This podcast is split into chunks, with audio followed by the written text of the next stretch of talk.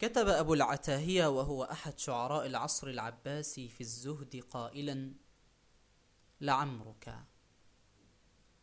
لعمرك ما الدنيا بدار بقاء. كفاك بدار الموت دار فناء. فلا تعشق الدنيا أخيّ فإنما يرى عاشق الدنيا بجهد بلاء. حلاوتها ممزوجة بمرارة وراحتها ممزوجة بعناء. فلا تمشي يوما في ثياب مخيلة فإنك من طين خلقت وماء. لقل امرؤ تلقاه لله شاكرا وقل امرؤ يرضى له بقضائي ولله نعماء علينا عظيمة ولله إحسان وفضل عطائي وما الدهر يوما واحدا في اختلافه وما كل أيام الفتى بسواء وما هو إلا يوم بؤس وشدة ويوم سرور مرة ورخاء.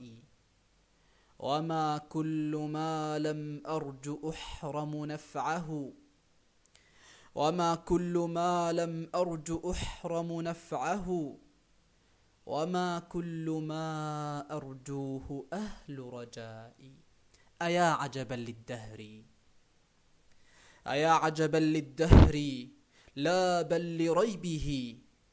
يخرم ريب الدهر كل إخاء وشتت ريب الدهر كل جماعة وكدر ريب الدهر كل صفاء إذا ما خليلي حل في برزخ البلا فحسبي به نأيا وبعد لقائي.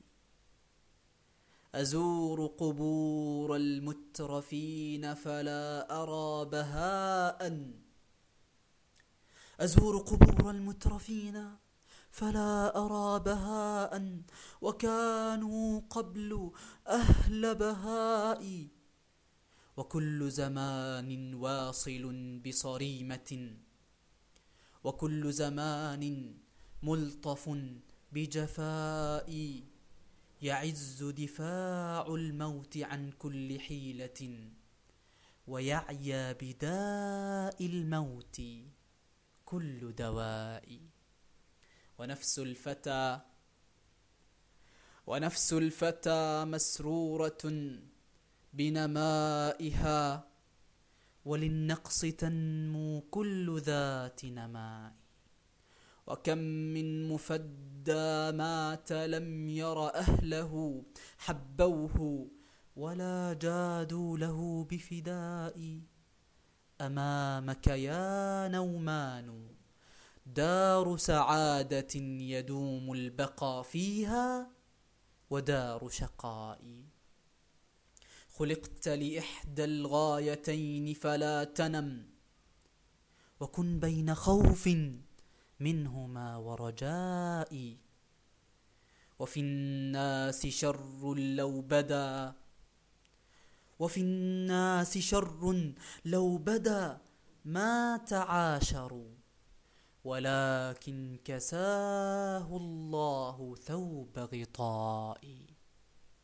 أحمد معروف.